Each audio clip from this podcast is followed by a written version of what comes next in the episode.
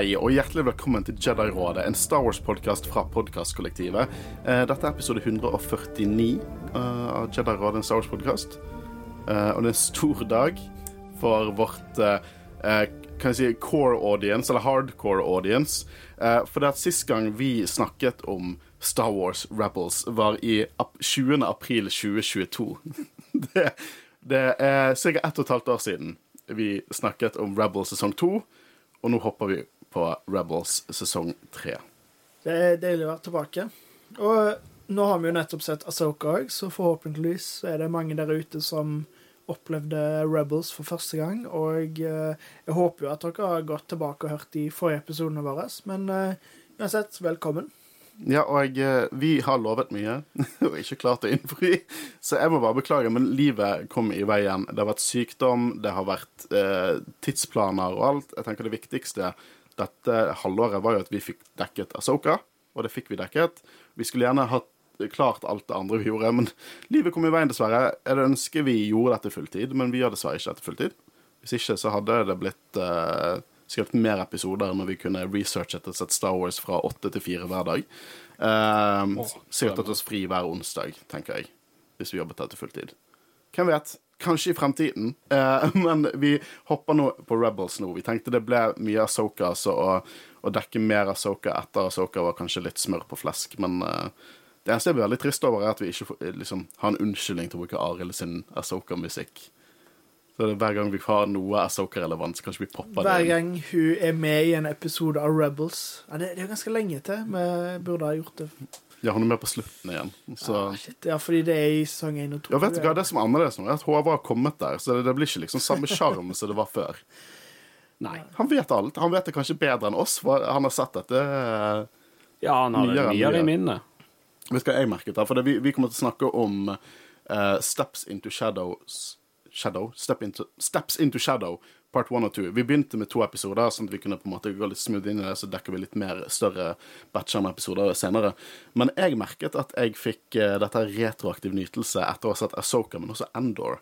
Uh, for dette her utspiller seg etter Endor sesong én, og det er mye av konsekvensene på hvordan The Empire uh, oppfører seg i forhold til liksom, disse opprørsselene som popper opp, eh, som vi får se liksom, grunnpilaren av i Endor, som jeg syns er veldig, eh, veldig gøy. Eh, men eh, Christian, du liker Rebels, ikke du? Jo, jo, jo. Du, du sa at det var Før vi begynte å spille inn, så sa du at det var en sterk intro. Ja, er, jeg tror egentlig vil si at det er favorittåpningen min eh, i en Rebels-sesong, men det er bare basert på at eh, jeg er, elsker Hondo. Hondo er med. Hondo er Hondo er med. Og han, Hondo er morsom, han er kul, og han håper jeg virkelig vi ser i live Snakker flytende Ugnaught. Ja. Det er jo Og jeg håper vi ser han i live action en gang.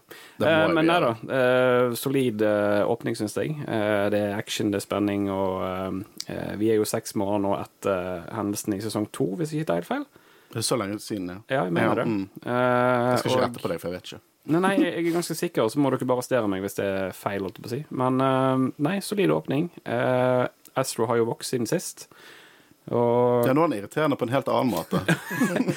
ja, spesielt i åpningen for, eh, av diverse grunner som vi skal gå inn på litt seinere. Jeg vet ikke om vi skal si nå. Men uh, utover det, så uh, Ja, solid åpning. Jeg vet ikke hva dere syns.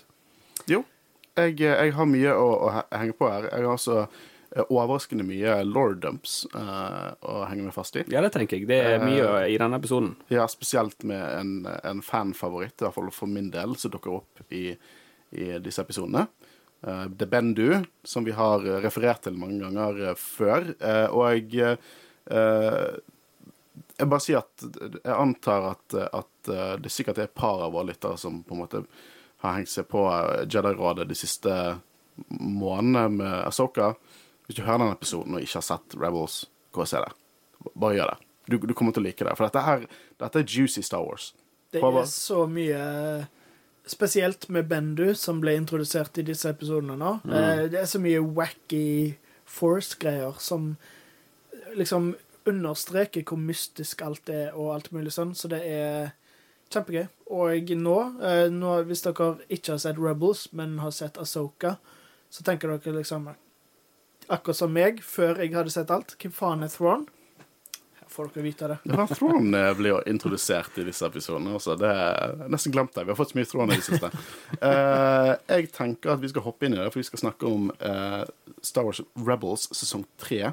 Er én og to, Steps into Shadow.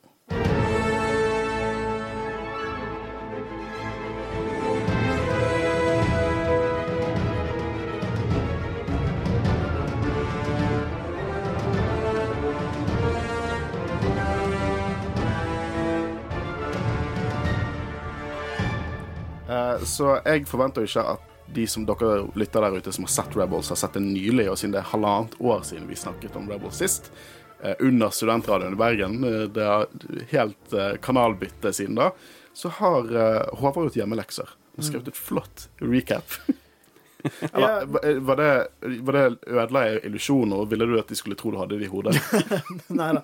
Uh, jeg så jo Rebels ganske nylig, når jeg eh, Når jeg eh, forberedte meg til Asoka. Uh, men allikevel så var det litt rart å bare hoppe rett inn i sesong tre. Så jeg endte opp med å gå inn på IMDb og liksom bare skumlese gjennom alle alle episodeinfoen, da. Mm. Så jeg har eh, skrevet en liten recap, og det er jo veldig grunnleggende. Det er jo utrolig mye som skjer som jeg ikke nevner, men jeg tok med det jeg følte var viktigst. Eh, den foreldreløse gategutten Ezra Miller lever av å Ezra Miller? Hva heter han? The Flash? Jesus Christ. Er? Ja. Begynner tilbake på det der sånn Chewie og Louie fra meg, dette. Han var så engasjert, altså. Han heter Ezra Bridger. Ja, jeg tenkte ikke på det i det hele tatt. Det er priceless, forresten, den reaksjonen din. Åh, Det verste er at jeg tenkte ikke over det. Nå er spørsmålet om vi skal lette med i episoden eller ikke.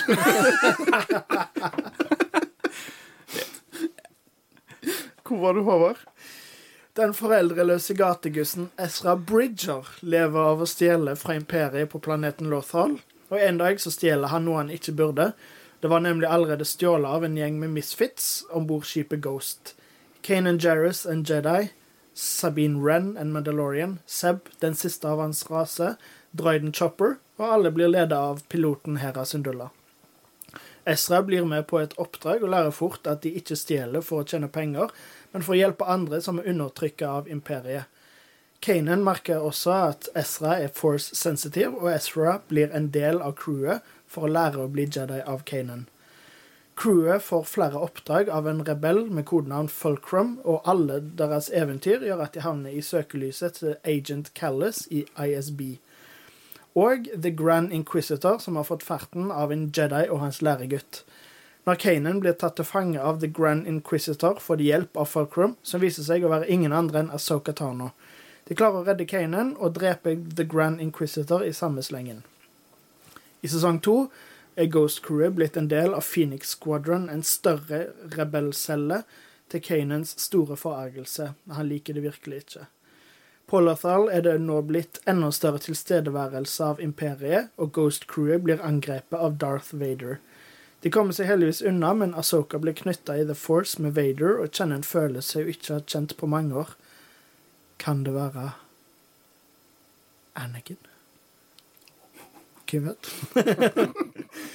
De trenger mer hjelp, og Asoka tipser om en gammel kjenning som hun mener kan bidra til saken. Gode, gamle Captain Rex, en klone og veteran fra Clone Wars. På et oppdrag på en gammel sykehusstasjon finner Ezra ut at det ikke bare er én, men to andre inquisitorer som er på jakt etter dem. Gjennom hele sesongen leker de katt og mus, og Ezra og Kanan bestemmer seg for at noe å gjøre, må gjøres. Sammen med Asoka drar de til et Jedi-tempel på Lothal, hvor de snakker med Yoda gjennom The Force. Der får de vite at de må dra til en gammel Sith-planet som heter Malachor, for å lære seg hvordan de skal bekjempe Sith og inquisitorene. På Malachor blir de separert, og Ezra møter en mystisk mann som sier han kan hjelpe. Sammen åpner de Sith-tempelet med hjelp av en Sith Holocron. Det viser seg at mannen er ingen andre enn Darth Maul, eller nå bare Maul. Nice. De slår seg sammen og beseirer inquisitorene der, men Maul er, til ingen store overraskelse, en forræder og gjør Kanan blind og vil overtale Ezra til å bli hans læregutt. I tillegg har han løye om tempelet, for når det blir aktivert av Sith Holocronet, viser det seg at det egentlig er et supervåpen. Asoka springer til Ezra for å hjelpe, mens Kanan slåss mot Maul. Med hjelp av The Force klarer han å kaste Maul av tempelet. Vader ankommer og slåss mot Asoka, som har funnet ut hvem Vader egentlig er, og får det i hvert fall bekreftet når hun ødelegger hjelmen og hun ser Anakin under. Sammen med Kanan klarer Ezra å deaktivere supervåpenet, og tempelet kollapser oppå Asoka og Vader. Kanan og Ezra unnslipper og reiser tilbake til resten av crewet. I slutten av episoden ser vi at Vader går ut et sted og Asoka et annet. Denne duellen vant ingen. Veldig bra. Veldig Og bra. det var det siste vi så, og uh, hoppet var det seks måneder fram. Ja. Vet du hva, jeg er veldig For jeg så din progresjon som podkast-host nå. For at når vi begynte denne podkasten, så hadde vi recaps for hver eh, liksom sagafilm vi dekket. Og det var, det, det var et rent helvete. Var et rent helvete, for Vi klarte ikke å lese det vi hadde skrevet. Vi måtte redigere det sammen. Det var stamming, og du bare Bortsett fra Ezra Miller-greiene, så var dette her perfekt. Ni av ti. At jeg hadde skrevet Ezra Miller òg. Det var ikke bare det at jeg sa feil. Jeg hadde bare totalt tenkt feil. Ja, fort gjort. Men det er jo uh, De ligner jo litt. Ja, og Bridger er liksom ikke et veldig Star Wars-navn. Ezra er ikke, er ikke Ezra heller. Eh, men uh, nå har jo vi uh, Har det gått seks måneder, sa Christian. Hold, hold han til det. Ganske sikker. Ja, ganske sikker. Og Ezra er all grown up. Buzzcut og grønn lightsaber og som sagt irriterende på en helt annen måte. Han er jævlig cocky. Han er litt sånn som uh, Atreus er i midten av originale God of War. Uh, har ikke spilt der, så du har ikke kommet der ennå. Ah. du- ja, sant? Når, Ja. når han liksom skjønner ting, og så Det går blir han vel feil å si originale God of War. God of War 2018. Jeg har spilt originaltrilogien der. Jeg vil bare det understreket. Jeg er en old school God of War-fan. Eh, Men nå er han jo til dels påvirket etter å ha le leket litt med denne her eh, sitt Holocorn som vi kommer til senere. Ja, for han, han aktivt bruker den. Den gærningen snakker til den. Ja. Uh, så det, det er ganske dark shit der. Uh, så de er på prison break og skal redde Hondo og en Ugnaught som heter Turba. Eh, jeg trenger ikke tenke så mye over Turba, for han eh, løper ut til sin død rimelig kjapt. Eh, men jeg vet ikke om det, det, det er på en måte en sånn typisk Indiana Jones midt i et eventyr. Det er kjekt å se Sabine og Ezra etter vi har liksom opple opplevd de nylig i, i Asoka-serien. Så det, det er koselig å komme tilbake igjen. Jeg følte litt sånn Dette bare Dette, dette er koselig eh, Star Wars som bare sånn har ingen kontrovers bak seg. Det er bare We're home, på en måte. Det, det er veldig kjekt å komme tilbake igjen til det. Og veldig bra, smart gjort òg å gjøre det sånn som du sa med Indiana Jones, liksom type midt i et oppdrag, fordi da får vi se det i action med en gang, og vi ser med en gang at det er noe annet med Ezra. Det er noe nytt med han, ikke bare det at han har klippa håret, men han er liksom litt sånn mørkere og mer sint og angstfull, på en måte. Mm. Eh, brooding. det er veldig tydelig at det som skjedde i slutten av sesong to på Malachor, at det har gått inn på han på flere måter. Både med Det, det endte jo opp med at Kanan faktisk ble blinda av uh, mål, og uh, det føler jo Ezra skyld i, da. Ja, og Kanan har på en måte trukket seg vekk fra ikke bare The Force, men også liksom sin familie. Så deres forhold blir på en måte testet ekstremt mye her. Eh, litt fordi at Kanan ikke er eh, så aktiv der lenger, og eh, Ezra driver og eh, befriender eh, liksom et Sith holocron. Og Sith holocron, liksom, Senere i episoden så får vi høre en stemme som liksom hyper Ezra opp. Og det er jo det sånn Sith holocron fungerer. Det, det er rett og slett en representasjon av en Sith, Sith, Sith Lord. eh, som, som trener han opp, da. Vi så jo det med, med Darth Bane, for eksempel. Det var ikke Darth Bane i, i, eh, i eh, Clone Wars-arken der men jo da, men det var på, i den dur er det på en måte en representasjon av en Sith Lord. Eh, en kopi av deres sjel, eller hvordan du vil si det. Så han blir liksom trent opp av en Sith Lord nå. From a certain point of view.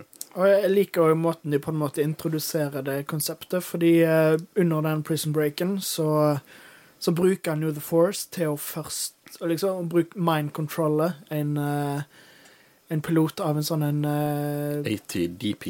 80 DPM, eh, og s- og får han til å skyte sine egne soldater, og så til slutt bare gå av stupet. Og det er jo ikke sånn typisk Jedi mind trick som er sånn This is not the droids you're looking for. Han, God referanse.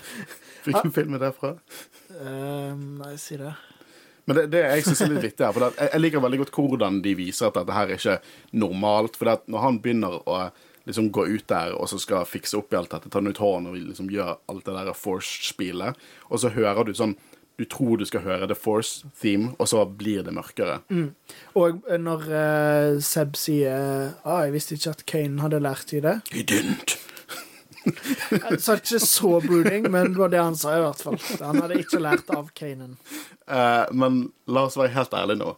Hvorfor er dette mer dark enn det de vanligvis gjør? Bare fordi de ikke ler mens de gjør det, liksom?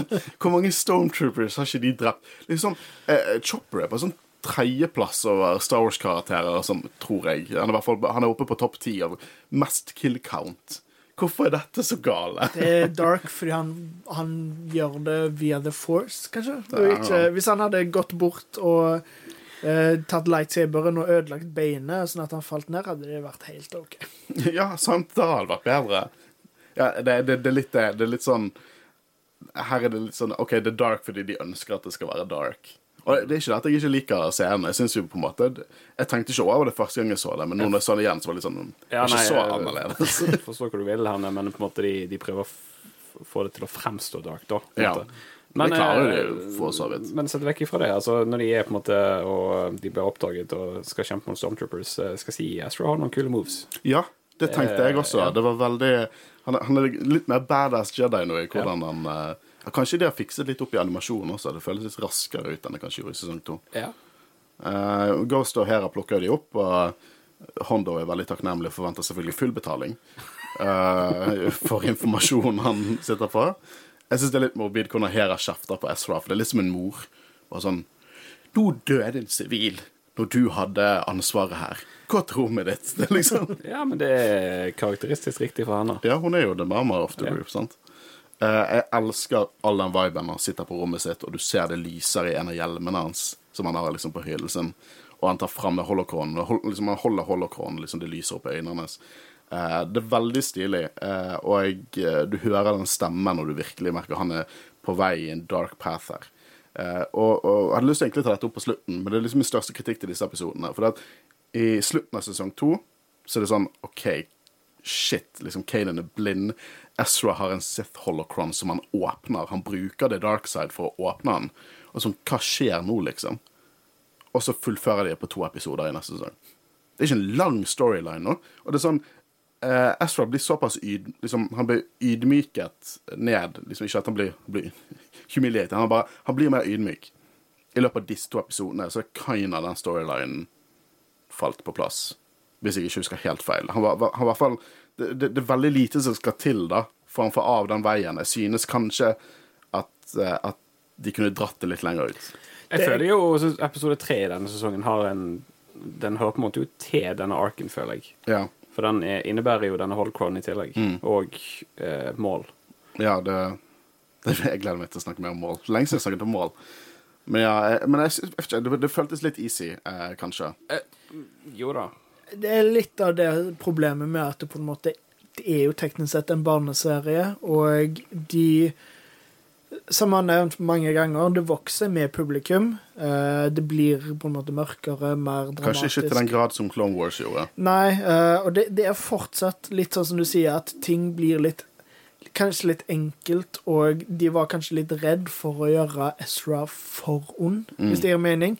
Fordi Han er jo fortsatt hovedpersonen. han er hovedpersonen, han skal bli en Jedi, og Men, igjen, jeg skjønner veldig godt hva du mener òg, fordi det hadde vært det hadde vært utrolig fascinerende å sett en sånn de grå sonene og på en måte eh, Hvordan det er å bli frista av the dark side. Eh, vi ser jo det i eh, i uh, prequel-filmene uh, med Anakin, men det, der òg blir det på en måte det, det blir litt annerledes igjen. The Clone Wars klarer å gjøre det sømløst, på en måte. Så ja, nei, jeg skjønner veldig godt hva du mener, at det føles litt litt enkelt, kanskje. Men misforstå meg rett. Jeg synes jeg er med deg her, Christian, jeg syns disse to episodene er briljante, liksom. Eh, nei, det er ikke noen sånne svære ting som skjer. Eller nå må jeg tenke litt tilbake til sånn når dette var ute. Thrawn dukker opp. Det er ganske digert. I hvert fall når dette var nytt, liksom. Eh, men de bygger jo opp til det. For det, nå får vi se Tarkin og Price, Governor Price. Vi har hørt om hun mye. eh, og hun dukker opp her nå for første gang på skjermen. Eh, Ari Price eh, fra Lothal. Hun er med i, i uh, Thrawn-boken. Ja, det er ganske rart å høre den boken, fordi du får liksom sympati for det som skjer med henne, og så tenk, glemmer du liksom ut at oh, shit, det er jo faktisk Governor Price. Ja, for det, hun, har, hun er en ganske Det er ganske mye man kan føle med den karakteren.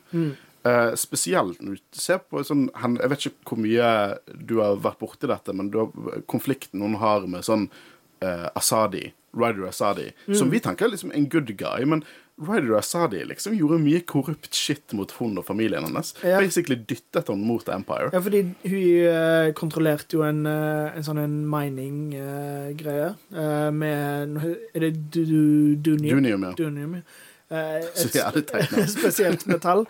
Eh, og så ender det opp med at liksom får et ultimatum. Ja, ok, Enten så kan Empire ta kontroll over den gruven, eller så kan governor Asadi òg Ja, så som du sier, det er mye um, svart og Nei, altså gråsoner, og Mm. alt er ikke svart og hvitt, og det er det jeg liker så utrolig godt. Er det boken dere snakker om nå? Ja. Throne-boken. Ja. Det er kjempegøy å høre. Jeg har ikke kommet der ennå. Ja, men det, det, det, det, den, det disse bøkene gjør så jævlig bra, er jo nice.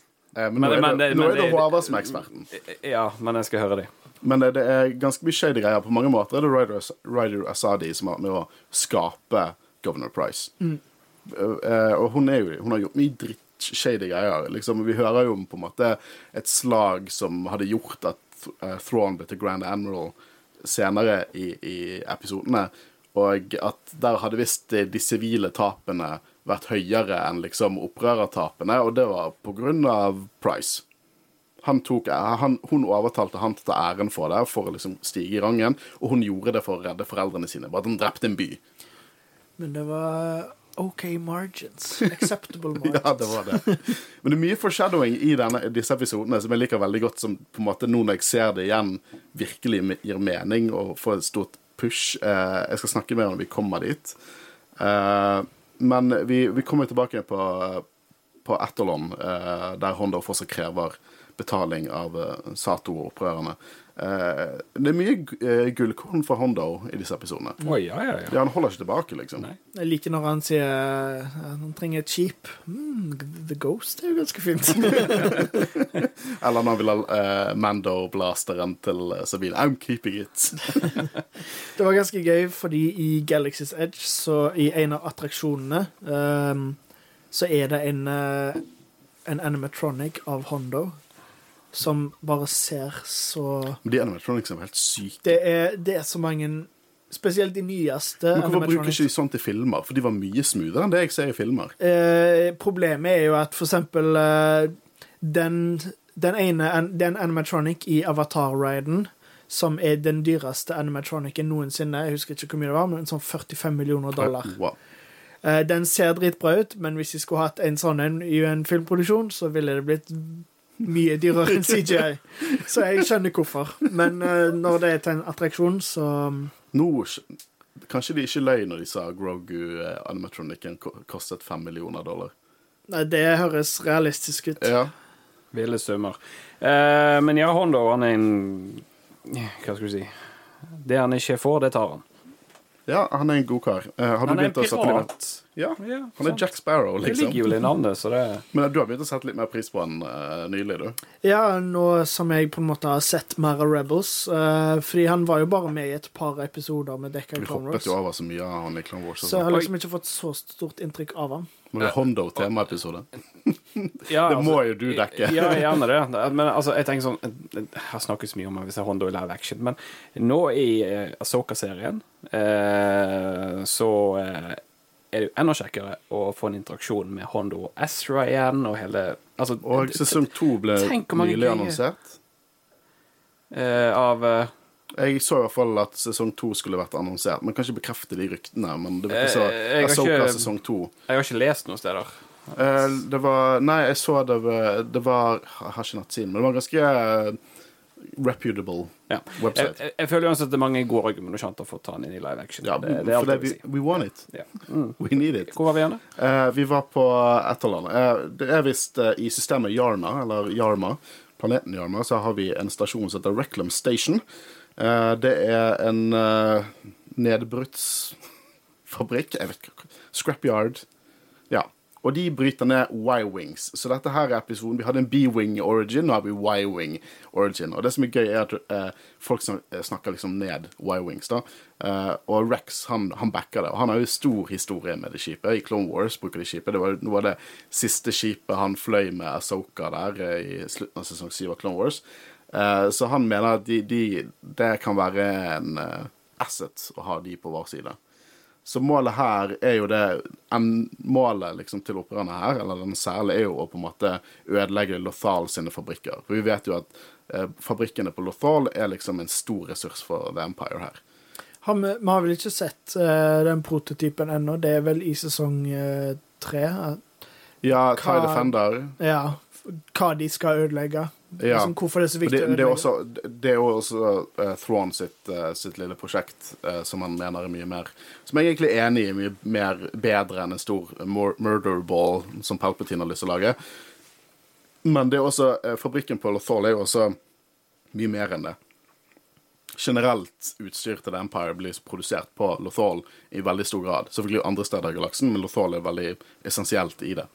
Så det, det er mer der som de må få ut av eh, spill, rett og slett. Uh, Ezra er nå en lieutenant commander. Jeg vet ikke om jeg er helt enig med det. Men er dette sånn første gang vi ser i Star Wars at de faktisk har jobbet for en forfremming? Og ikke bare blir en general? Det er jo ganske Han blir jo liksom promoter ganske enkelt òg, da. Så det er jo fortsatt litt ja, Nei, men, nei, men, nei, men oppdrag, det, det er liksom ikke sånn Så å lede Du er ett en general. oppdrag- Ja, men Det er jo helt klart. Vi snakker jo om at han har sett Men han han har gjort det bra. han, har, han har gjort det bra, sant? så da får han en promotion. Det er ikke sånn at du er general, du er general. Du general. Eh, Lando dukker opp. Ja, ja, du er general Lando. det er ikke sånn at vi ikke kan stole på deg. Du gjorde ingenting shady i forrige film, sant? Uh, så det er jo kult at, uh, at i dette barneshowet så viser de faktisk at man, jo- man jobber for forfremmelsene sine. Um, og det her vi får se litt at det her forholdet mellom Kanan er ganske sårt. Og det er, det er pinlig, sant? Du er en ung tenåring, du gjør private ting på rommet ditt, og så kommer liksom en foreldrerolle gående inn. Veldig kleint når jeg sitter og snakker med sitt holocron, og mine foreldre bare barger inn uten å banke. Det er en rar sekvens, for det er jo Ezra som sitter på rommet sitt, forbanna, snakker med sitt holocron, og så kommer blinde Kanan inn og setter seg liksom ned på, på pulten og så bare vi må snakke, og så bare kommer en annen i holocron. Tro, han, ja, han har jo kuttet seg av The Force, det er jo ikke rart han ikke senser den. Faen, denne serien Det er så konsekvent gode på sånne detaljer. Uh, fordi De sier jo det senere at han har kuttet seg totalt av fra The Force. Uh, men ja, så han finner ut av, av dette her, uh, og det betyr jo at Ezra har brukt The Dark Side for å åpne den, og han sier jo selvfølgelig I'm using it for good. Og uh, Kanan argumenterer ja, du får raske resultater, men du kan falle totalt til det. Det er en slippery slope. Ja.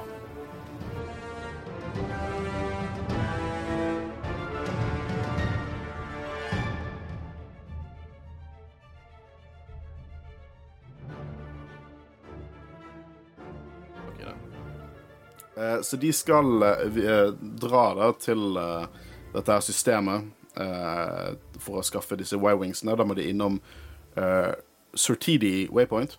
Eh, eh, for å hoppe videre. Vi vet jo hvordan hyperspace fungerer. Ikke én retning, du må innom lanes og hele pakken. Eh, det er derfor det er ikke så enkelt eh, med ukartlagte baner, sånn som Force Awakens sitt kart går inn på.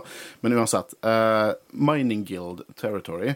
Eh, og det er jo ikke bra, for det kan jo utfordre betalingen til Hondo. Så det må de komme seg vekk fra. Eh, jeg liker veldig godt Mining Guild sine Tie Fighters. Eh, gule, og ikke hele det solpanelet der. Og det viser jo det at For det, er jo Det er jo Sinar Fleet Systems som produserer TIE Fighters, og det viser det at de også selger til andre aktører enn bare The Empire. Så det er kult å se. En kul liten detalj. Eh, her er jo det konflikten, for de kan jo bare hoppe videre, men Ezra har ikke lyst til å etterlate noen vitner. Her viser de dark side, liksom. Her vil han drepe bare for å drepe. Uh, så good uh, job på det. Uh, det jeg syns er mest interessant i disse episodene, er jo det som skjer, eller begynner å skje nå, og det er Kanan sin liksom force journey. Han finner seg egentlig en ny mester, eller en stor ny mester, egentlig. Ehm, vi ser også Morai her. Det er jo veldig interessant. Eh, og disse Krukna-edderkoppene som er på Etterland, de har jo sånn eh, staver som skaper vibrasjoner eller et force field sånn at, som de ikke liker. Så han tar med seg den og går ut for den. Han, han hører en stemme, rett og slett. Eh, noen som caller på han. Tror du Fordi han har vel allerede hatt Altså, nå har han jo hatt den samtalen med Ezra, så nå Jeg antar at det betyr at nå tenkte han liksom OK, det funker ikke å utelukke meg helt fra The Force. Så at nå har han liksom åpna seg litt opp igjen? Eller? Det hadde ikke jeg eh, utelukket, nei. Han er i hvert fall i ubalanse, så vi får vite. sant? Eh, og eh, da får jo vi se dette Force-vesenet kalt Bendu. Og hva synes dere om Bendu? Christian vi hører fra deg. Nei. Det Håvard sa. Ja, det, det Håvard sa. Nei, uh, åh, jeg uh, Jeg er blank for ord. Uh, interessant karakter. Mhm. Jeg syns designet er veldig interessant. For det er ikke det du forventer, liksom. Det er på en måte det der Yoda-konseptet på en helt annen måte. Men det, det, det, det er det som gjør det litt gøy òg. At du på en Mm. måte ser noe du ikke forventer. Og voice-actingen der. Jeg synes det er bare stemmer Jeg tror det er Tom Baker som har stemmen, og det er bare utrolig det, Du forventer ikke at den stemmen skal komme ut. En litt sånn eh, brautende, sint, gammel mannsstemme kommer fra dette store løvesoppen. Jeg hadde, hadde, kjøpt, jeg hadde kjøpt det framfor en lys, fløtemyk stemme. Eh, kanskje, kanskje ikke. Eh, men jeg syns i hvert fall at eh, det er veldig interessant. Det er veldig weird. Det er veldig force magic-vibe av hele denne sekvensen. Mm, og måten han på en måte Som han sier, at han er in the middle. The one Det er the liksom Han er ikke Jedi, han er ikke Sith. Han er bare Det er liksom akkurat det med uh, The Force, at det er liksom Det er alt. uh, men det handler bare om hvordan du bruker det, på en måte. Så liker jeg hvordan han på en måte ler litt når Kanan bruker ord som force wielder, liksom. Det, det, liksom, det er nesten som han Du skal ikke bruke the force, du skal være, være med the force, på en måte. Og han begynner å snakke om, eh, om at det er en så stor ubalanse for Kanan at han, han kan føle det i hele planeten når Kanan ankom. Ja, for han sier at uh, he awoke from a slumber. Så liksom akkurat som han uh, bare vært i dvale kjempelenge på den planeten. Og her er det mye old school law. Han begynner å snakke om liksom når, når Kanan liksom spør om han, så sier han uh, at Jedi og Sith de bruker uh, The Ashla and Bogan. Og det er kule ting. For det at i eh, tidligere skript til Josh Lucas og Asla Ashla the light side, og Bogan var the dark side. Ja. Dette har vi, dette har vi også snakket om før, men jeg, Jeg tror ikke vi, tid. Nei, husker, vi Ikke, ikke at det er så viktig, vi kan godt snakke om det igjen, men jeg Nei, men jeg, vi, tror, jeg kan ikke huske hvor det var. nei, men jeg mener vi har snakket Jeg mener det er tatt opp i en annen Det har sikkert blitt referert litt. Jo, kanskje i Mando. I, i Mando sesong to, når de drar til Titan. Ja. For det, det er noe Legends-greier. For Titan var jo i, i Legends og i Canon. Canon er mange sånne origin-planeter, sånn som Act 2 og Titan og flere, som på en måte regnes som en del av origin-planetene til Jedi. Men i Legends så var The Jedi De kom fra Titan, og det er to måneder på Titan i Legends. Det var The Ashland, and the Bogan. Og de mente de representerte The Dark Side og The Light Side. Ja. Og eh, de eh, tok jo og eh, sendte noen Dark Jedi i eksil, som da eh, traff rasen The Sith og dannet The Sith. Jeg var ikke så fan av at Sith var en rase. Jeg syns det er stupid. For helt ærlig, but to each their own. Eh, det er Legends, da. Eh, og det startet liksom The Force Wars, som jeg syns var veldig kult. Da hadde de lightsaber, og lightsabers med sånn batteripakke og sverd og ja, veldig gøy. Uh, men det er også, det stammer fra old school. Gammel Legends, gammel George Lucas-law, meta. Veldig, veldig kult. Eh, og Bendu i tidligere draftene var jo Jedi kalt for Jedi Bendu. Eh, så det er mye kult her. Ikke si at, uh, at Disney og Star Wars ikke sett, liksom, vet sin historie uh, hos Josh Lucas, for mye av dette her er rett fra en ung Josh Lucas, rett og slett. Eh, og han sier jo 'I am the one in the middle', som er bare kanskje noe av det mest ikoniske med hele Rebel, syns jeg. Måten han på en måte snakker om Jedi og Sith, og så på en måte dypere enn stemmen sin 'I'm the one in the middle'. Jeg syns det er helt fantastisk. Og jeg, eh, han åpner Sith Holocronet som om det var ingenting. Men hva faen er dette for noe? Åpner det. Akkurat sånn det farger. Uh, og jeg eh, begynner å Kanan får litt panikk, og han sier at objekt kan ikke gjøre deg uh, ond eller god. Klart ikke sett Ringenes herre-trilogien. Uh, men i Star Wars så kan visstnok ikke et objekt gjøre deg ond eller god. Det er fristelsen som gjør dette. Og det er bare en sjøl som kan på en måte bestemme hvilken vei man går på. Og så kan det du på en måte bli Ja, nei, Nei, nei, nei. nei. Dere er så hyggelige begge to. Nei, jeg, skulle bare si at det, det er jo fristelsene, eh, men eh, du blir på en måte Du, du kan på en måte bli manipulert. Mm. sant? Så det er det. Men eh, Nei, go ahead. Ja, nei, jeg skal bare si at jeg liker veldig godt det konseptet med at det på en måte Litt som du sa med å bli manipulert og sånn, at det er Det er ikke Du er ikke ond av å bruke et uh, Sith-objekt, eh, Sith Holocron, men det er hvordan du bruker det, og på en Mm. måte motivasjonene bak å bruke det, som på en måte gjør deg ond og alt mulig sånn. Så jeg syns det er kjempestilig. Og det, det sier jo også litt at det her med balanse, da. For det liksom, hvis det er én karakter i hele Star Wars-canon som bare direkte symboliserer balanse, så er det Bendu. Han er the one in the middle, liksom. Og, og det der med å bruke jeg bare, Jeg syns liksom Han her, han skulle vært i hele Jedi Council, tenker jeg. Han hadde satt Mace Windu på plass på hvordan man skal bruke The Force. Men han tenker jo det at Han sier jo til det til Kanan, han prøver å lære han en lekse. da. Han sier jo det at synet kan ikke bli helbredet, men Bendu kan lære han til å se. Ta en hel Daredevil-ting på, på Kanan her. By the way, Hva syns dere om nydesignet til, til Kanan? Med den der eh, skjoldet og Mando Jig-øynene. Guro hater det. Hun syns det ser så goofy ut. Jeg tror helt ærlig ikke har- Men eh, jeg synes ikke kult. Jeg syns det er veldig kult. Goofy. Sånn blind samurai-vibe. Jeg har egentlig ikke laget noen meninger av det. Nei, du, ingen meninger? Nei, nei ikke om det mm, men, Just work in here. men jo da. Goofy, stilig. Jeg, Jeg syns det er kult. jeg, skal, jeg skal ha en mening neste episode. Ja, takk. Det blir Ja. bra. Eh, men uh, Nei, faen, nå er en av disse stundene mine igjen. Fortsett, du. Det er jo en klassisk Jedi-råd-momentet. Kan han drikkelek om det, vet du. Hvis du er gammel nok.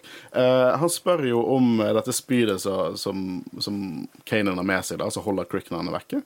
Eh, han spør om han kan få se på det, så knekker han det. Eh, som Kanan ikke er så happy med, da. Og jeg, eh, da skal jo han hjelpe han, for det at når Kanan har The Force og er, bruker The Force, eller går én-én med The Force, så kan han se annerledes enn de, de som ikke har The Force, kan gjøre. Og Bendu skal lære han å på en måte channele dette, da. Eh, nå eh, er det vel det vi fikk av, av Bendu i første episode. Eh, men vi kan hoppe litt til Tarkin og Konstantin, eh, som har en liten møte. Eh, Callis er vel der også, og der, der får vi se Thrawn. Nå må vi huske at liksom back i eh, de, Dette var alle episoder som jeg tror ble vist på Celebration 2016. Da var det big deal at Thrawn skulle dukke opp i canon. Jeg husker det når eh, traileren til sesong tre kom ut, og de hadde en hel sånn Thrawn-musikk, og han snakket om kunst, og nå dukker han opp. Eh, og hva syns dere om det øyeblikket? Prøv bare uh, kaste vekk fra dere Asoka live action-øyeblikkene. Dette var første gang i canon Thrawn dukket opp. Får jo i hvert fall vite veldig fort hvor på en måte smart han er, og liksom akkurat som vi snakka om i Asoka, at han er kalkulert og mektig. Eh, det er en grunn til liksom løye når de liksom sier ah, 'Grand Admiral'. Så da, ja, jeg ble promota for det jeg gjorde. liksom Får med en gang inntrykk av at ja, han er en big deal. Og eh, hvis det er sånn som Grand Moff, så var jo det en tittel som Palpatine var sånn OK, uh, så du er Moff nå. Hva er det neste du kan bli? Du kan ikke bli keiser. Ja, Grand Moff. Så hvis det er det samme med Grand Admiral, så skjønner jeg hvorfor Konstantin er litt sånn Grand? What the fuck?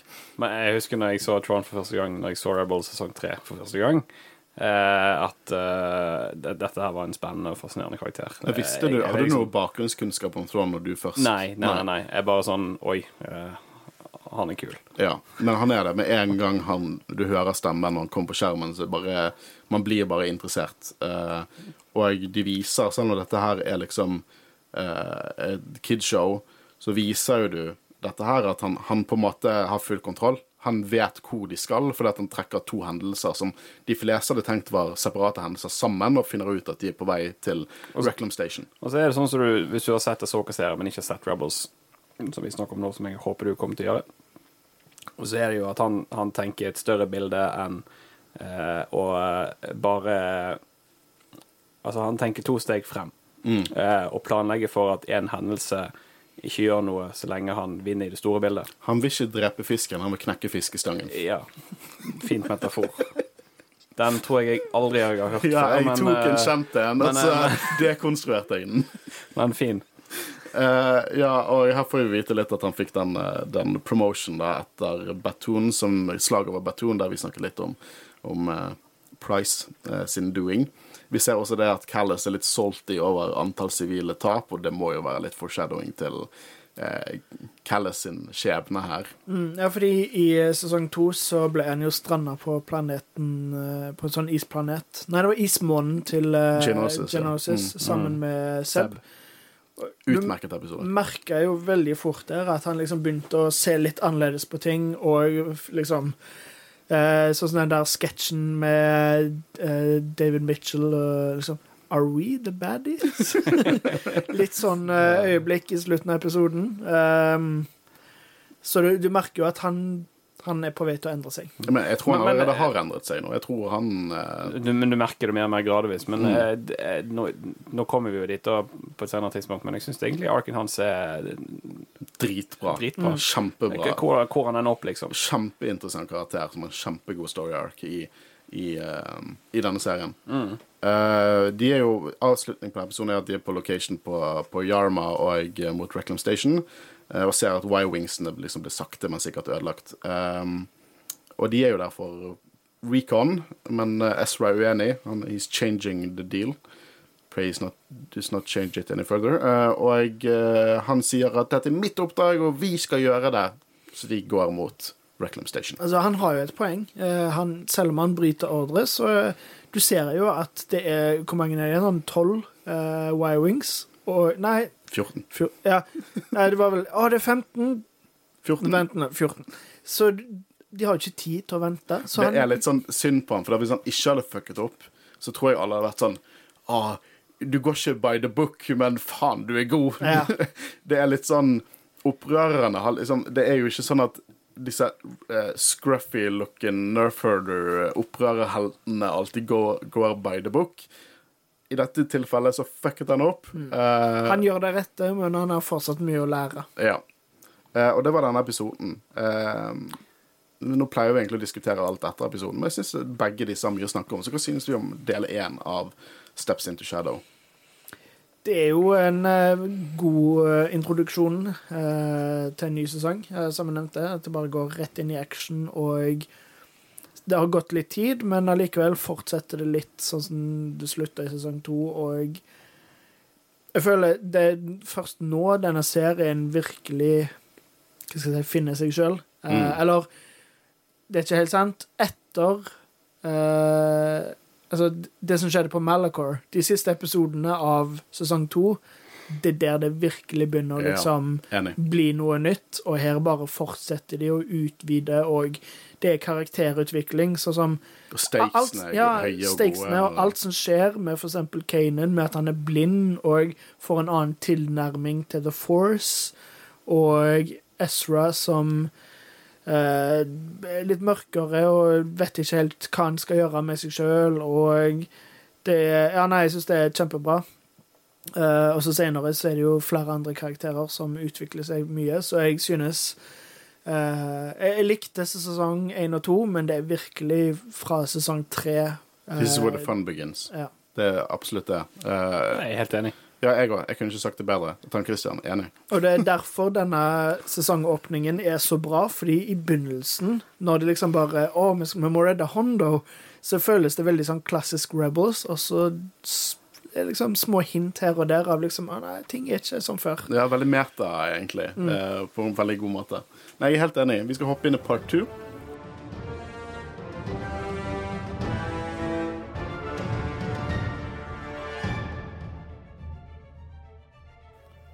Så part two. Um, det jeg liker veldig godt her, er jo Commander Titus, aka den dummeste Imperial. Jeg gir han prisen for den dummeste personen som keiserriket har. For hver, Vi møter han fire ganger. I hele Star Wars så møter vi i fire episoder av Rebels møter vi Titus. Eller Brom Titus. Uh, han er en sniffling dude, så hver gang han fucker opp, så han blir demoted. Så han har lavere rang hver gang vi møter han. Han blir demoted fire ganger. Det er etter andre gang vi møter han. Andre gang vi møter han. For det, Før så hadde han liksom Han var kaptein og var sånn experimental eh, eh, Var det, var det disse gra anti-grav Ja, eh, de som kunne plukke ut Dek- av hyperspace. Cruiser Jeg tar helt feil. Det er veldig mye Warhammer-ord i hodet mitt. Når det er noe som Men det var i hvert fall sånn anti-grav... Eller liksom gravitation. Ja, så dro de ut av, av, av Hyperspace. hyperspace. ja. Så det fucket jo han opp. Så nå er han eh, lederen sånn scrapyard. Eh, og de har en ganske gøy interaksjon om det senere. Eh, men han, jo, han ser jo alt som skjer her, så de reiser ned, slåss mot store dismantler-droider og informerer Price om dette her. Jeg syns det var veldig gøy når Rex er sånn I'm gonna get these clankers. Og så hører du Clone Wars-musikk, og han hopper ut av skipet og liksom eh, skal, skal ta de ut. Eh, jeg har ikke så mye å si om liksom, action her. De møter på tre Ugnaughts. Hondo er flytende i Ugnaut. Ezra truer de. Fordi at nå truer han sivile eller slaver, tydeligvis. Det er Ezra sin nye jam. Og eh, Hondo forteller at de er der for å frigjøre dem. Eh, og eh, det er et problem, da. For shit, Christian. Disse Y-wingsene mangler drivstoff. De visste ikke det var Cannon. det burde de skjønt da, hvis de dismantler de. Hvorfor i helvete skal være drivstoff i de? Og det anerkjenner de at de burde skjønt. Men det, liksom, the meat and potatoes av denne episoden er jo Bendu og Kanan. Uh, og der vi får liksom denne leksen som Kanan lærer av Bendu. Jeg syns dette er kjempeinteressant. Og kjempebra Star Wars. Det er sånn god, god mystisk Star Wars som gir deg litt sommerfugler i magen og tenker at dette er et fantastisk univers. Uh, det er det at Kanan skal på en måte være tom. Han er bare The Force. Og jeg, eh, Ben, du spør liksom sånn OK, du, hva, hva er du bekymret for nå? Hvor, hvordan vet du liksom at edderkoppen er der? Og han sier han kan høre de. Han kan føle vibrasjonene. Og eh, han på en måte kunne lukte Han kan lukte de. Og det er det på en måte han prøver å lære. Altså Bendu prøver å få frem til Kanan at, eh, at han har andre sanser som han kan bruke. Han kan lytte. Han kan eh, eh, bruke kraften og føle ting rundt seg. Han kan eh, eh, bruke luktesansen sin. Sant? Det, liksom, det er det han prøver å få frem, at Kanan ser kanskje ikke med øynene, men det betyr jo ikke at han ikke kan se. Ja, og dette går jo nesten enda videre enn bare The Force. Det er på en måte alle andre sensene han skal bruke. sant? Ja. Eh, Og det ender med at han står rett ved en edderkopp. Han tar på en edderkopp. Uh, og da sier jo Bendu sånn Å, du begynner endelig å se. Eh, og at han skal være tom og fortsette. Og problemet her er at han har ikke sett liksom edderkoppen for hva de er. Og så begynner han å sense frykt. Han sanser Ezra, og så igniter han lightsaberen sin. Men det han kommer fram til, er at han senser ikke deres frykt, han senser sin egen frykt og sitt eget sinne.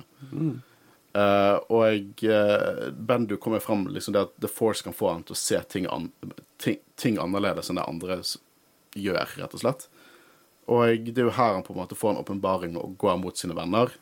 Uh, han kan se edderkoppene nå, og derfor er det ingenting å frykte. Jeg får frysninger av å snakke om det. Det er så, det er så jævla Star Wars, liksom. Eh, så gir han holocronen til Bendu. Bare sånn Ta den tingen. I don't care. og Bendu litt sånn uh! Og jeg tror ikke han er ond eller noe sånt. Han bare, bare veldig gøy for han å få en gave.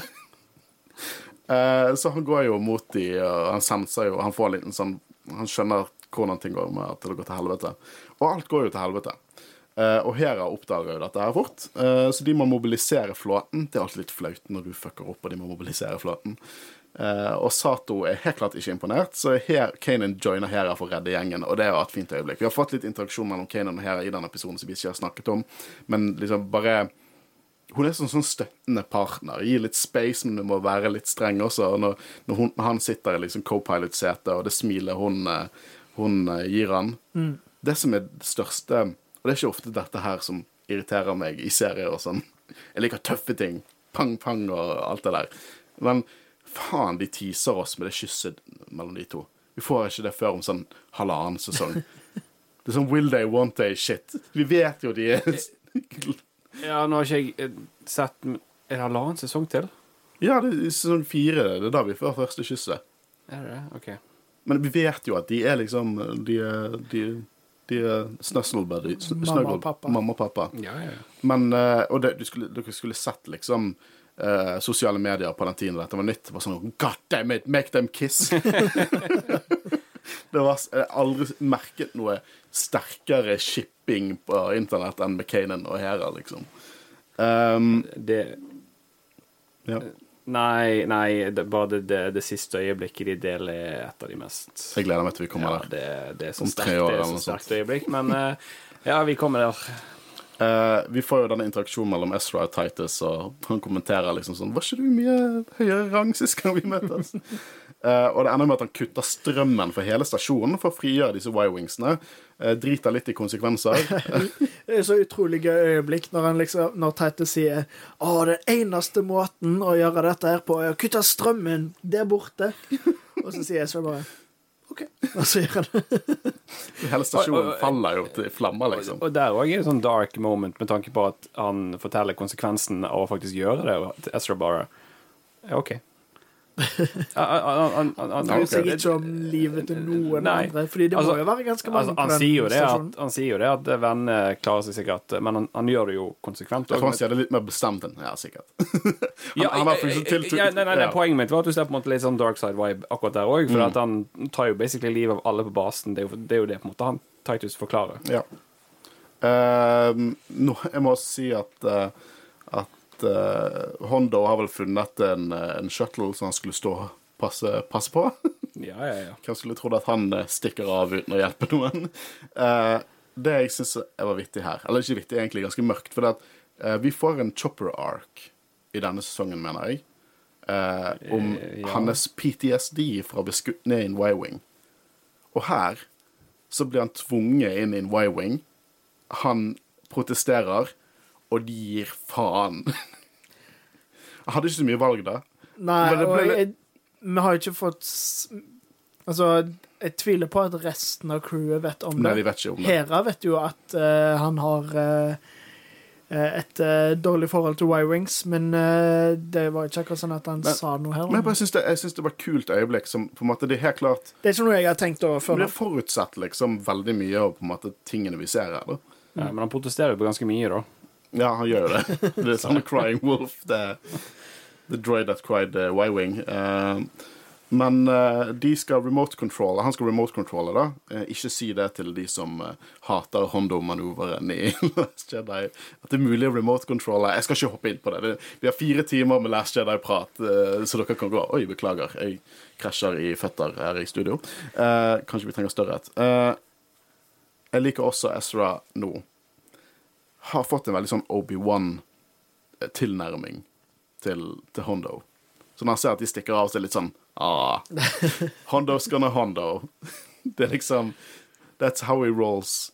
Men nå har Hondo fått seg crew med, med Ugnaughts. Jeg tror vi ser noe av det crewet igjen. De ble faktisk et crew. Vi, vi, vi ser det igjen, ja. Det Ja, det er veldig gøy.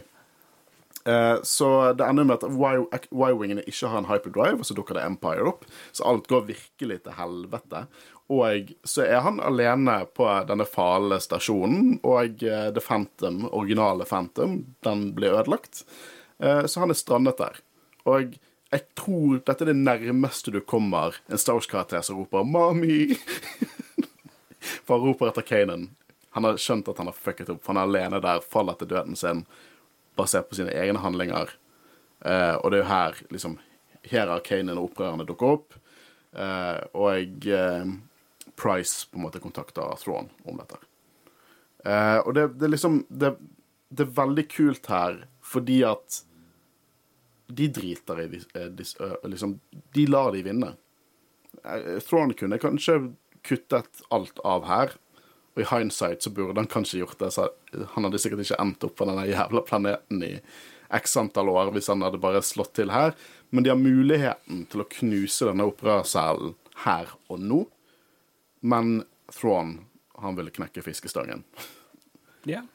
Og jeg syns det er kjempekult. Det kan hende- de gjør det kanskje litt for ofte. Det er sånn, Etter sånn tredje gang han lar de slippe unna, så litt sånn OK. Ja, nei, altså, jeg, altså jeg, jeg ser jo Tron han vil selvfølgelig ødelegge det store bildet, men kanskje han av og til burde tenkt at å ta ut noen små innimellom er en fordel. ja. Av og til føles det litt som en sånn herre jeg, jeg gjorde det med vilje. Det, det var ikke et uhell. Helt med vilje. Ja, så klar, han gjør ikke feil. Han, han eh, alt er Nei, men vi er Thrawn-sympatisører her uh, i denne podkasten, for å si det sånn. Uh, jeg liker i veldig filmatisk fint øyeblikk når Kanan på en måte rekker ut hånden til Ezra og sier 'let go', og du får faktisk en Force-musikken. Veldig dramatisk og veldig fint øyeblikk, egentlig. Jeg liker òg måten han tar imot den på, fordi det er så tydelig at han har lært å se. Fordi det er ikke sånn at han bare holder ut hånden, og en Ezra tilfeldigvis kommer borti hånden, og at han tar tak. Ezra eh, gjør som Kenny sier, let it go, og så har han liksom basically hoppa av der. Så ser du at et lite øyeblikk så så holder Kane ut hånda, og så plutselig så tar han tak i Ezra. Så han har lært seg av Bendu å faktisk se og sense andre. Og bruke The Force og ikke øynene. Og Det er veldig kult. Det finnes Kul liksom ikke liten detalj. Ja, det er det, og det finnes liksom ikke noe kulere enn en blind Jedi. Det er liksom det, det kuleste som finnes. Det er bare så jævlig badass. Også sånn som han blinde Jedien i Force Unleashed, Uh, hvis dere spilte det back in the day. Uh -huh. uh. Ram Koda, tror jeg han het. Han hadde på seg basically samurai-rustning og den toppnott og hele pakken. Han var jo blind, og jeg digget han. Jeg syntes han var dritfett. Også for det, det, det Var var, det første fighten? ja, det er der vi blender ja, han. ja, ja, Liksom. ja, ja, riktig. Det er et gøy spill. Wacky spill, men eh, veldig gøy spill. Ja, ja. Um, eh, det avsluttes jo her med at Ezra får litt kjeft. Han er ikke lenger en kommandant. Liker hvordan Seb på en måte står opp for han. At liksom vi blir alle med på det, og her er han. Du er lojal, men dette var hans oppdrag. Raskeste demotion i historien. Eller? Ja, vi, det er litt sånn Poe Dameron fikk jo ganske kjapp eh, han har vært det kaptein en stund. Det var i hvert fall veldig lite formell demotion. Han fikk en slap in the face, og you demoted. Ja. Eh, som en scene jeg egentlig liker veldig godt. Eh, men uansett, ja, jeg liker Last Jedi. Sumi. Uh, Y-Wingsene de skal til General Dodana. Vet, det dere, vet, dere vet om Dodana? Klassisk eh, Star Wars-karakter. Du har en Lego-figur av han. Har du det? Han fulgte med X-Wingen hans. Å ja. Det er han gamle mannen som er den minst kule figuren. Men han er jo ikonisk Ja, er fra ikonisk. New. Hope. Ja, ja, ja. Finnes ikke mer ikonisk skjegg enn Dodona sitt skjegg. Og det, det er jo et hint til at dette her skal til opprøreralliansen. Ikke bare en celle, men en allianse. Uh, ja, på dette tidspunktet så er det vel ikke blitt en allianse ennå, men eh, det, det får vi jo se litt i løpet av eh, Jeg husker ikke om det Ja, det er vel denne Ja, sesongen. vi får vel se øyeblikket der Mon Mothma faktisk liksom snakker ut mot Empire. Og det er kult, for det er liksom oppbyggingen mot det ser vi i Endor nå. Eller så vi i Endor sesong 1, og det kommer garantert i Endor sesong 2. Vi ser på en måte hvordan Price og, og Tarkin snakker om opprørerne, og at de på en måte er bekymret for at det skal bli noe omfattende. Og vi vet jo at alt det med Aldani, og vi har sett i Endor, det er på en måte oppbyggingen mot det. Er derfor de er liksom har er så mye mer strengere og har så mange pinner oppi ræven nå, er pga. hendelser som vi har sett i annen Star Wars, og hvordan Endor, en sånn voksen og mørk og moden som fortelling som helt klart er for voksne, er liksom helt klart del av dette universet. Og det er det jeg liker med Star Wars, liksom. Du finner alt dette, og det, det knyttes opp mot hverandre. Jeg syns det er helt fantastisk. Uh, Ezra og Kanan de har liksom en heart to heart her. De kommer sammen igjen, uh, og de skal finne en annen vei enn en denne holocron. Uh, og Ezra er på en måte litt mer ydmyk nå, og det var kind of dette som var hans dark side journey. Ja, altså Du vil ikke se han spille litt inn i neste episode? Jo, det gjør jo litt Det- det, det- men han på en måte Jeg føler at han Jeg er enig med deg, han blir mer ydmyk, eh, og de finner jo tilbake igjen til hverandre, da. Mm. Eh, Men jeg føler litt eh, eh, bygges videre i neste episode. At det, Han har fortsatt litt sånn, men selvfølgelig så er han jo ikke der han For det jeg hadde synes det var mye gøy, litt mer interessant. For nå, nå liksom, vi kommer til å møte mål igjen, og han kommer til å være sånn Oh, my, old, my, my apprentice. Ja. Aggressivt prøver å få han til å komme over på dark side. Eh, og jeg hadde syntes det var litt mer interessant hvis jeg faktisk en del av meg var, tenkte det kan hende Ezra tar opp tilbudet. Og det tenker jeg aldri han gjør. For jeg tenker liksom han har fått dette ut av systemet sitt nå. Det skjer liksom ikke at han går på mål sin side. Og jeg hadde syntes det var veldig interessant hvis det dilemmaet var litt mer i, i luften. Nå har jo du sett en ny Jeg ser du sitter og nikker der. Hva tenker du? Ja, nei, jeg syns det hadde vært kult om det hadde vært en større ark. Ja, altså, Kanskje, jeg- jeg- jeg- kanskje ikke hele sesongen, men i hvert fall flere episoder. At det var liksom At det var mer stakes rundt det. Litt som du sier, at du eh, Akkurat som med sånn Will They Want They med Hera og Kanan. Om det hadde vært litt sånn Will They Want They med Maul. Maul, eh, Ezra Maul, hadde vært ganske kult. men, Jeg, har ikke noe imot Jeg hater ikke det de gjorde, men litt som jeg sa innledningsvis nå, at det føles litt som en barneserie. At de kunne tatt litt eh, Litt andre valg og lekt litt mer med på en måte sånne temaer. da. Mm. ja, nei uh, Det kunne vært del 1, 2 og 3 for min del. Ja. En episode til har kanskje også faktisk gjort stemplet det litt hardere inn. Ja, Eh, selv om de indirekte går videre i deler av uh, det som er påbegynt i de to første i del tre, da. Ja. Si. Ja. Uh, Det er jo eh, Jeg bare syns at denne serien gjør sånn foreshadowing helt utmerket bra. Og det er sånn eh, Tidlig i del én så sier jo Price til Tarkin at hun vil ha The Seventh Fleet. Det, der, det er den flåten hun vil ha. Og jeg, hvis man ikke visste hvem som leder til Seventh Fleet, så hadde man ikke tenkt så mye over det. Men for de som vet at Seventh Fleet, det betyr Thrawn, så er jo det et diger øyeblikk. Og det syns jeg er god foreshadowing, liksom. Sånn, det er ikke sånn at du går glipp av så mye. Men hvis du vet, så vet du. Ja. Uh, og det, det syns jeg er god fanservice. Uh, men ja, jeg syns det er en sterk, sterk uh, start på, på sesong tre. Mm, absolutt. Og jeg, jeg er glad til å være tilbake. Det er litt sånn Rebels er på en måte Det er på en måte litt sånn fast food.